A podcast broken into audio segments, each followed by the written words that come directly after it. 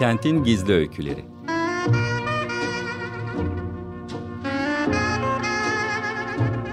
Kentin isimsiz kahramanları ve ilham veren yaşamları.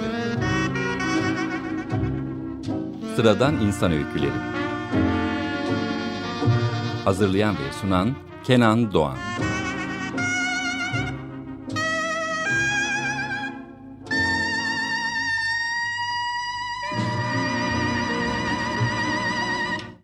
Kentin Gizli Öyküleri programından sesimizin ulaştığı her yere, herkese merhaba.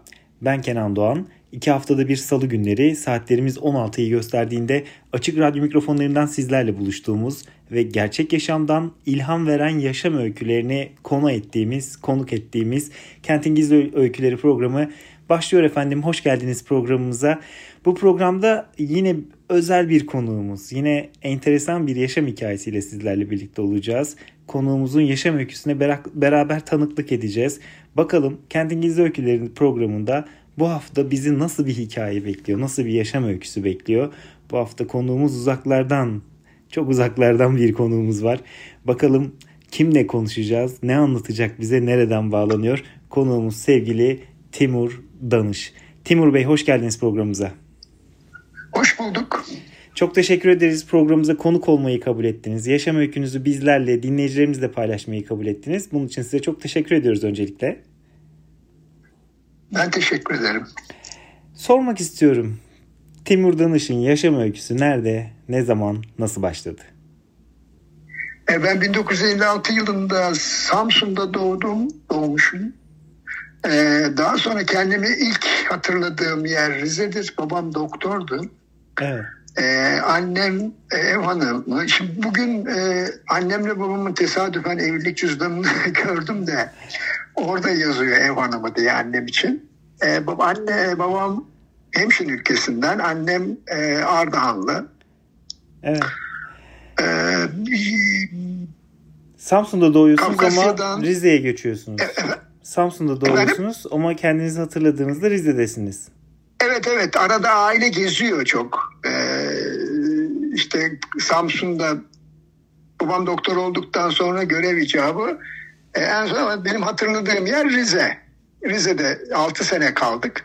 Arada Develi diye evin içinde laflar geçiyor. Develi'ye gittik diye Ardahan geçiyor. Nüfus kağıdında Ardahan yazıyor. Ee, annemle babam Ardahan'da tanışıyorlar. Ee, benim anne tarafım e, Alman. Ee, Almanya'dan e, yıllarca göç olmuş e, Kafkas bölgesine, Saratov ve Tiflis'e. Ee, evet. o, o, o göçlerin sonunda Türkiye'ye peynircilik yapmak için gelmiş aile ve sınır kapanınca burada kalmışlar. Daha sonra annemle babam işte Ardahan'da e, tanışıyor. Oranın e, ileri gelen bir ailesinden benim. Viktor Kaiser ailesi. Annemin adı Anna Maria, babamın adı da Hilmi. O tanışıyorlar. Sonra işte e, abilerim oluyor iki tane filan. Sonra ben oluyorum. Dediğim gibi kendimi Rize'de hatırlıyorum ben. Ee, sonra o hatırladığınız işte en eski dok- anılarda hatırladığınız Rize sizin Bir kuş hatırlıyorum. Rize. Bir ne kuş ve yağmur. Tabii Rize'de gayet normal bu yağmur. Evet. Bir, bir kuş hatırlıyorum. Ee, ev, evi hatırlıyorum. Bir ev hatırlıyorum. Ve bir e, kaza hatırlıyorum. Bir e, elle çekilen bir araba bir küçük bir köprüden geçerken devriliyor. Bunu hatırlıyorum. Evet. Sonra işte okul, ilkokul filan Rize'de deniz denize giriyoruz. İşte yüzme öğreniyoruz. Dalgalı deniz. Hamsiler karaya vuruyor filan. Portakal savaşları yapılıyor. Mandalina savaşları. iki mahalle arasında. Ondan sonra e, ve 64 e, filan olması lazım.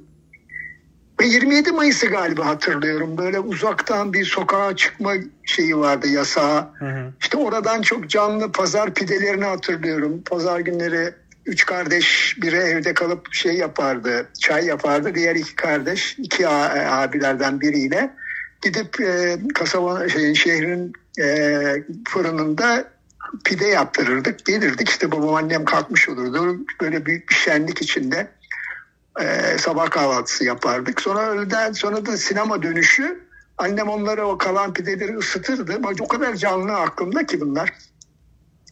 Ee, çok şey bir çocukluk yani böyle keyifli bir çocukluk. Sonra Bayburt'a göçtük biz. Babam görevli olarak Bayburt'ta ilkokul ikinci sınıftaydım o zaman. E, o günü de çok iyi hatırlıyorum. İşte kamyona eşyalar yüklendi. Bu şimdiki Solaklı üzerinden Soğanlı Dağları aşıldı. Bayburt'a inildi. E, o, orada da hastanenin de lojmanın arasındaki boşlukta bir futbol sahası yapmıştık orayı. Bir bir kale e, doktor amcanın şeyi, diğer doktorun e, garajının kalesi. Diğeri de e, hastanenin ölü damının camına kale gelecek şekilde kalenin bir tarafı e, bir kale yapmıştık. Düz bir alandı orası. Çok, mahallenin çocukları orada top oynardık. E, hatta ölü damına top kaçtığı zaman gidip ben alırdım. Çünkü korkuyordu herkes. Evet. ölünün, ölünün top almaya. Bayburt'ta kaç sene geçti? Ee, neler yaptınız sonrasında? Pardon? Bayburt'ta Nasıl? kaç sene geçti? Kaç sene yaşadınız Bayburt'ta orada? iki yaz geçirdik biz. Sonrasında bir yaz başı geldik. Efendim? Sonrasında neler oldu? Alo? Sonra Akyazı'ya göçtük oradan. Babamın memuriyeti dolayısıyla. Yavaş yavaş İstanbul'a yaklaşıyor. Yani aslında Anadolu'lu memur ailelerinin özlemi hep İstanbul'da bir ev sahibi olmaktır. Dolayısıyla biz Akyazı'ya geldik Adapazarı'na yine doktor olarak. Ee, orada daha da büyümüştüm tabii. İlkokul 3. sınıftaydım. İlkokulu ve ortaokulu orada okudum. Ve babamın yanında aslında Rize'den başlayarak ben çıraklık yaptım muayenehanesinde. Çok erken aslında çok da uygun değil bir çocuk için ama e, ameliyatlara girdik beraber. Dağ, dağ köylerinde e, gidip ameliyatlar yaptı babam. E, evet. Akyazı'da çok iyi hatırlıyorum. Bir muayenehanesi vardı. Benim çocuk oyunlarım böyle erikleri ameliyat ederek geçirdi. Geçti. E, eriğin içinden dikiş alır, dikiş yarardım eriği. İçinden alırdım şeyi. eriğin çekirdeğini sonra dikerdim. Babam görmesin diye tabii pahalı malzemeler çünkü o şey e, operasyon malzemeleri. Akyazı çok vakası bol bir yerde. Dolayısıyla çok da iş oluyordu. İş yani sağlık iş içe giriyor. E, bunlar benim gözümün önünde oluyordu bu olaylar. Yani Peki işte siz nasıl bir öğrenciydiniz? Babanızın yanında babanıza bir yandan aslında bir hekime evet. e, çıraklık diyelim. Çıraklık ediyorsunuz. Evet. Bir yandan ilgilisiniz, meraklısınız ama bir yandan okul hayatınız devam ediyor. Biraz daha hızlanarak da anlatmanızı rica edeceğim. Okulda nasıl yani bir öğrenciydiniz? Sonrası nasıl geçti? İlkokulda çok süratli pekilerle falan geçti. Ortaokulda birinci sınıfta iyi geçti. İkinci sınıf hafif teklemeye başladım. Kurul kararıyla geçtim. Üçüncü sınıfta da e, mezun oldum. Fakat lisede tosladım yani İstanbul'a geldim ilk defa yatılı okula. E, benim için tam e, travmatik iki buçuk senenin başladığı zamandır. Çok başarısız bir öğrenci oldum. Böyle 11 zayıflar filan. E, yani sınıfta ortaokuldayken işte parmak kaldırıp ben şöyle düşünüyorum diyebilen çocuk tamamen pısırık bir hale geldi şeyde lisede. E, sonra bir çok yerinde bir karar verdim. Ben bu okulu yapamayacağım diye.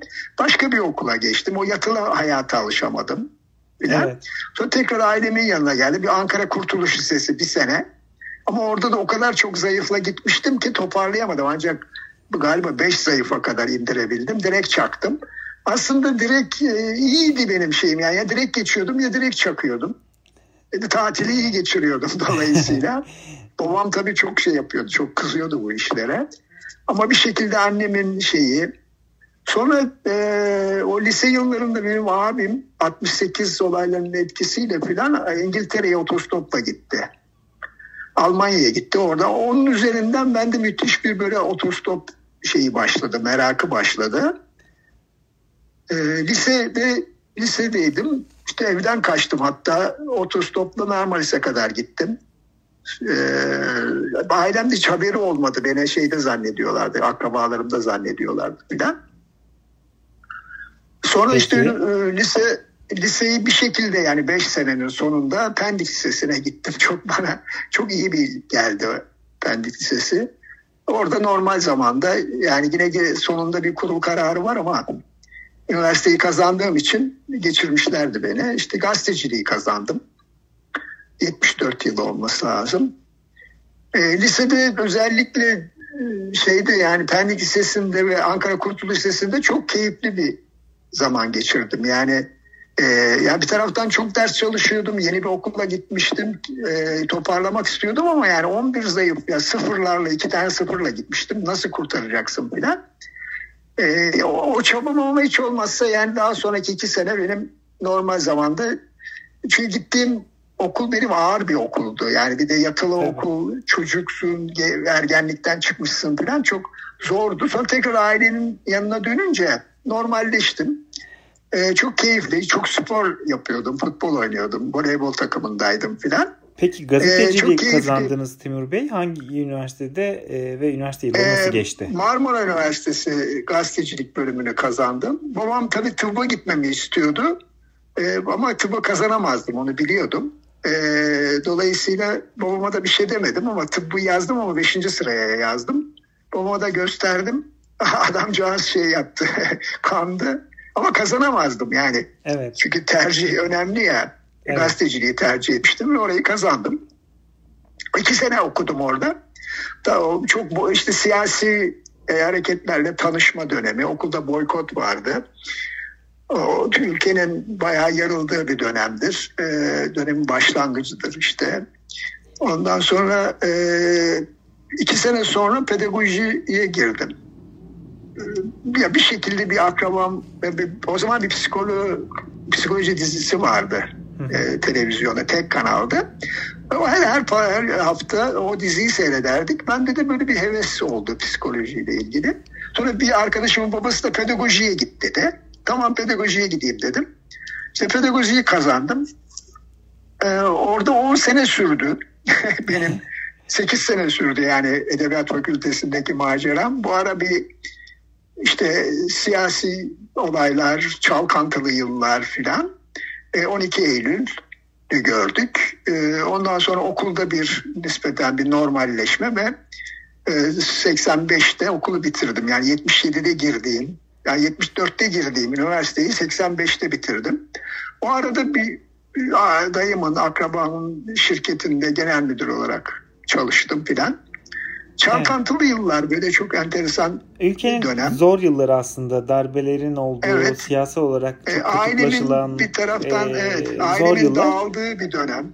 Evet. Bir yandan ailemin da, dağıldığı bir evet. dönem. Yani babamı kaybettik. Annem Almanya'ya gitti. Abilerim biri Almanya'ya gitti, biri Kanada'ya gitti. Yeğenlerim. Hemen yalnız kaldım biraz da o yıllarda. Böyle kendi başıma işte e, ayrılıklar filan Baya bir şey yıllarda yani Sancılı yıllar, yıllarda. sıkıntılı yıllar evet. ve e, sıkıntılı. o sıkıntılı yıllar bitiyor. Üniversiteden mezun oluyorsunuz. Süremiz de hızla ilerliyor. O yüzden de biraz daha hızlanmanızı evet. rica ederek sormak istiyorum. Üniversiteden evet. mezun oldunuz. Sonrasında peki Timur Bey neler yaptınız? Ee, aslında yani üniversiteyi bitirmeden de bir, bir aynı şeyleri yapmaya devam ettim. Ee, askerliğe geç olarak işte askerliğe gittim, döndüm.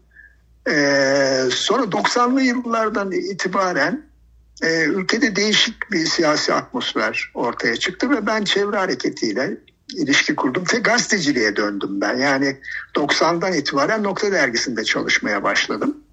Evet. Yani gazetecilik okudum, bıraktım, pedagojiyi bitirdim ama sonra gazeteci oldum. Yani şu anda ne iş yapıyorsun derlerse hala gazeteciyim derim çok aslında geç kaldım ama çok çalışarak arayı kapattığımı düşünüyorum. İşte Nokta Dergisi'nde çalıştım. Daha sonra e, antinükleer hareket üzerinden Türkiye'deki yeşil ve çevreci ekoloji hareketiyle çok yakın ilgilendim. E, en eskilerden biriyim aslında hayatta kalan o 90'lı yıllardan kalan.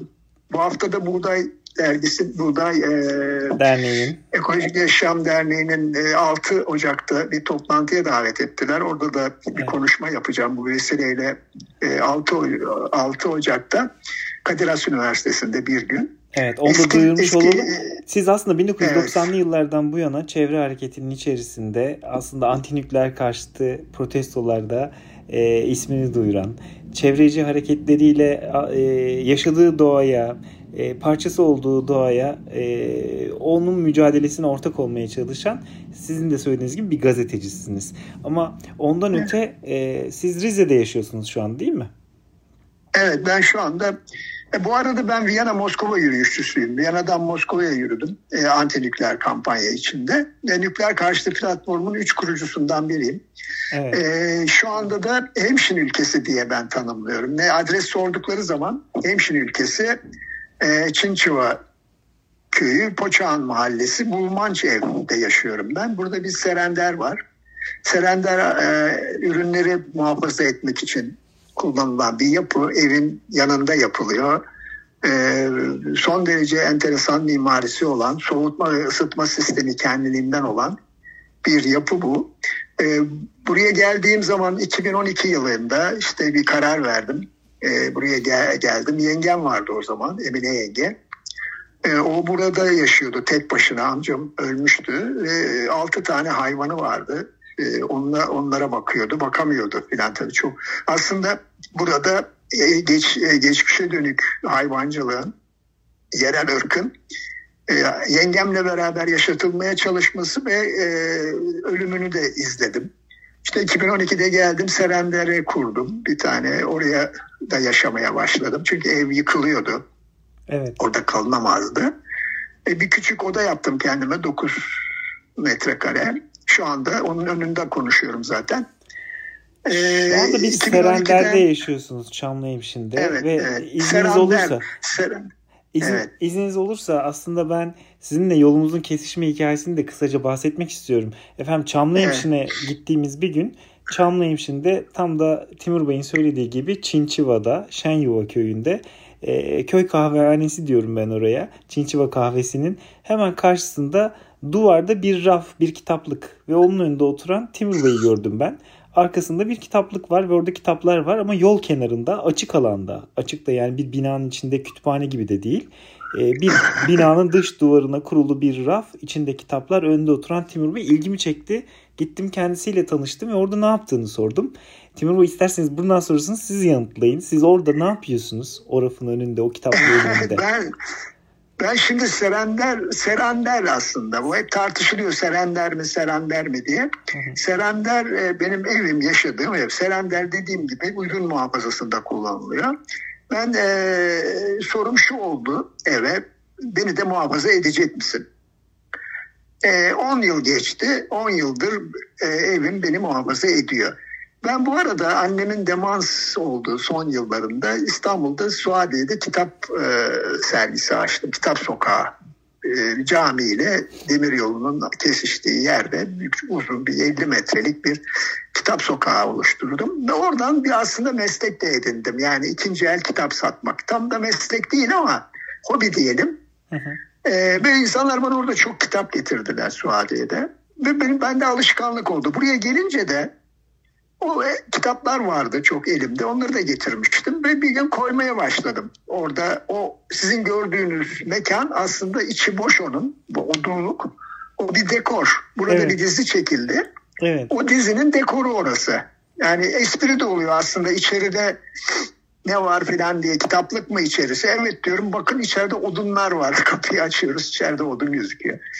Ee, o dizdiğim raflarda işte e, ben insanlarla orada bir de yazı yazdım. İşte lütfen evinizdeki e, eski kitapları, kullanmadığınız kitapları bana gönderin PTT üzerinden. İşte öyle bir şey var, e, orada bir yazı var. Onun fotoğraflarını çektiler insanlar. İşte benim de arkadaşlarımdan, dostlarımdan filan edindiğim kitaplar burada koliyle PTT üzerinden geliyor. Ben de onlara işte şey yapıyorum, basit çok e, ucuz e, bir fiyat koyuyorum. E, iş ciddi oluyor o zaman. Bir de oradan şöyle düşünüyorum. Yani oradaki gelirle ben asıl evde, beni muhafaza eden evde bir kütüphane yapmak istiyorum. Evet. Şimdi ben bir çalış şöyle başladı. Ben ailemin hikayesiyle ilgileniyorum. Bu başta bahsetmiştim annem e, Alman göçü, peynir filan konuları. Kars, Ardahan da buraya çok yakın. O konuyla başlayarak bir tematik kütüphane yapmak istiyorum ve kendi okuduğum, bana gelen kitaplardan da ayırdığım kitaplarla bir kitaplık kütüphane. Yani kendi kitaplığımı kütüphaneye çevirmek istiyorum. Ee, şeyde aşağıdaki sizin gördüğünüz yerde orayı destekliyor. Hem kitap olarak hem ekonomik olarak. Bir aşamada yani oraya bir birikim sağlamam gerekiyor. Bir aşamada onun içine bayağı e, işte bir e, destek alarak, profesyonel destek alarak bir kütüphane nasıl olur? Oranın ısısı na kadar bakarak işte filan ve oranın hiçbir ileride birisi ben e, ürün saklayacağım burada dediğinde demonte edilecek şekilde bir kütüphane tasarlıyorum. Yani bir tasarım aşamasında şimdi ama yürüyor yavaş yavaş. Şu anda derme çatma bir raf sistemi yaptım. Kitapları raflamaya başladım en azından. O sizin gördüğünüz e, yerin hikayesi o. İşte evet. insanlar geliyorlar. E, çok ucuz olduğu için bu zamlar dolayısıyla da ilgi çekiyor. Evet, Hiç 10, 10 liraya kitap alabiliyor insanlar. Orada karşılarına evet, evet. ilginç kitaplar çıkabiliyor. Biraz, Sizin aslında amacınız orada insanları kitap... Etiketlemeyi unuttuğum için ses karıştı pardon. Bazen evet. etiketlemeyi unutuyorum falan. Tabii itiraz etmiyorum.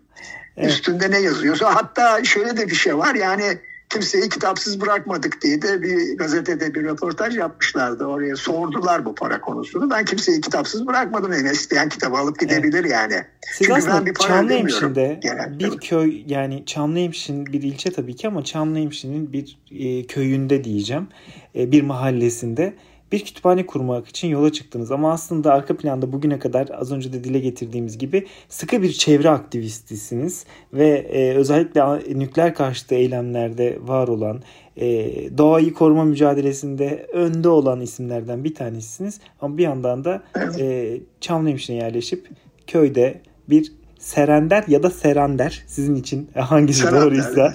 E, İkisiyle de söylenebilir evet, çünkü Dolayısıyla evet. orada bir kütüphane oluşturmaya çalışıyorsunuz ve bu kütüphaneyi de tanıtmak aynı zamanda insanları da kitaplarla buluşturmak için açık havada, sokakta, yolun kenarında kurduğunuz bir rafla, kitaplıkla beraber insanları buluşturuyorsunuz e, dile getirdiniz, paylaştınız. Bir kere daha özet olsun diye, dinleyicilerimize özet olsun diye de tekrar ediyorum. Amacınız da aslında bir tematik kütüphane oluşturmak. Okuduklarınızdan yola çıkarak annenizin de Almanya'dan Ardahan'a göçünü de belki kapsayacak bir tematik kütüphane oluşturmaya çalışıyorsunuz. Peki Çamlı Eşliğinde mi devam edecek hikaye? Hikayenin bundan sonrası nasıl devam edecek?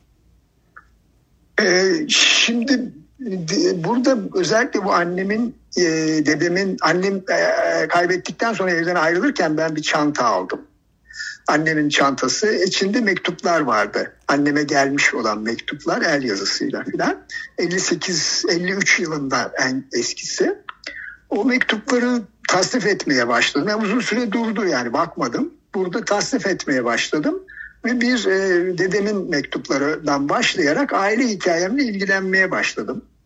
Ve e, ama öyle bir şey oldu ki aile hikayesinin geçtiği yıllar işte 1914 filan 1900'de başlayan bir hikaye Kars bölümü. Aslında dünyanın da çalkalandığı ve bugünlere kadar gelen yeni bir düzenin kurulduğu yıllar.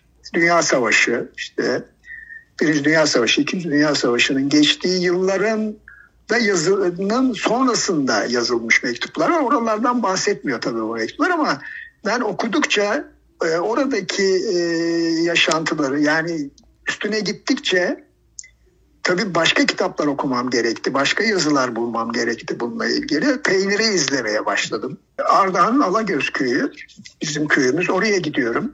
Şimdi orada rüzgar santrali yapmayı düşünüyor. Güneş santrali pardon yapmayı düşünüyorlar. Köylü istemiyor. Ona karşı bir kampanya var. İşte onunla destek oluyorum filan. Bir dahaki ay bir toplantı olacak orada. Ona gideceğiz filan. Ee, şeyi yani kütüphanenin özelliği bu. Evet. Burada, Dolayısıyla aslında e, çevre mücadelesiyle ve kitaplarla dolu yaşam devam edecek diye düşünüyorum. Programımızın evet, evet. artık yavaş yavaş sonuna da geliyoruz. Son saniyelerimiz. Ee, dinleyicilerimize kendi yaşam öykünüze dönüp baktığınızda, bu anlattığınız bütün hikayeye baktığınızda Timur Danış'ın yaşam öyküsünden de hareketle ne söylemek istersiniz? Mesajlarınız, ee, son sözleriniz. Son şunu, şunu söylemek isterim. Şimdi kucağıma bir kedim var benim. O geldi oturdu. Böyle aşağıda Fırtına Vadisi'ndeyim. Fırtına neresi akıyor. Onun gürültüsü geliyor. Etraf kar yağmış. Böyle e, ışıklar var falan. Güzel bir gökyüzü. Çok keyifli bir hayatım var benim. Gündüzler işte gidiyorum, odun yapıyorum, yemek yapıyorum falan. Yani bu yaşımda aslında insanın isteyebileceği bir şey bu. Ben bunu bir tek şey için değiştiririm bir telefon gelir bana. Ak, e, Akkuyu'da nükleer santral yapılıyor biliyorsunuz. Orada ben çok e, çalıştım. Çok emek verdik biz yapılmasın diye. Orada ev tuttuk. Her sene ben giderim zeytin zamanı. Zeytin toplarız. Bu sene gidemedim. Zeytin de yok. Çünkü evet. yandı orada bütün e, ormanlar yandı. evet. Dolayısıyla artık tarımda e, insan yaşamı zorlaşmıyor ama oradan Mersin'den e, bir çağrı bekliyorum. O Mersin'de öyle bir duyarlılık var. Köye gidip bir ev kurmak nükleerin karşısında bu yapılabilirse e, buradaki rahatımdan vazgeçerim seve seve ve giderim. Yani Çamlıhemşin'deki ee, bu güzel yaşama nükleere karşı verilecek mücadele uğruna giderim. Beni çağırırlarsa evet. da o mücadeleye destek olurum diyorsunuz. Çok teşekkür ediyoruz artık programımızın sonuna geldik. Ben teşekkür ederim. Ee, bugün yaşam tamam. öykünüzü bizlerle paylaştınız. Sağ olun. İyi ki varsınız Timur Bey. Hoşçakalın. Teşekkür ederim. Olun. Evet efendim bugün programımızın konuğu sevgili Timur Danıştı. Timur Bey kendisini de tanıttığı gibi gazeteci ama iyi bir çevre aktivisti. Bu yıllarda ise son yıllarda ise e, Çamlıhemşin'de yerleştiği köyde kendi çapında bir kütüphane kurmaya, tematik kütüphane kurmaya ve yol kenarına kurduğu kitaplıkla insanları kitaplarla buluşturmaya, her yerde tanıştığı her kişiye aslında o çevre aktivizmini, doğa sevgisini, kitap sevgisini aşılamaya çalışan enteresan bir yaşam öyküsüydü ve bugün Kentin Gizli Öyküleri programında konuğumuz oldu ve biz programımızın sonuna geldik. İki hafta sonra salı günü saatlerimiz 16'yı gösterdiğinde bizler yine Açık Radyo mikrofonlarından Kentin Gizli Öyküleri programıyla sizlere merhaba diyeceğiz efendim. Sizleri de bekliyoruz. Ben Kenan Doğan ve teknik masadaki Açık Radyo çalışanı değerli arkadaşlarımla birlikte sizlere sağlıklı günler diliyoruz. Hoşçakalın.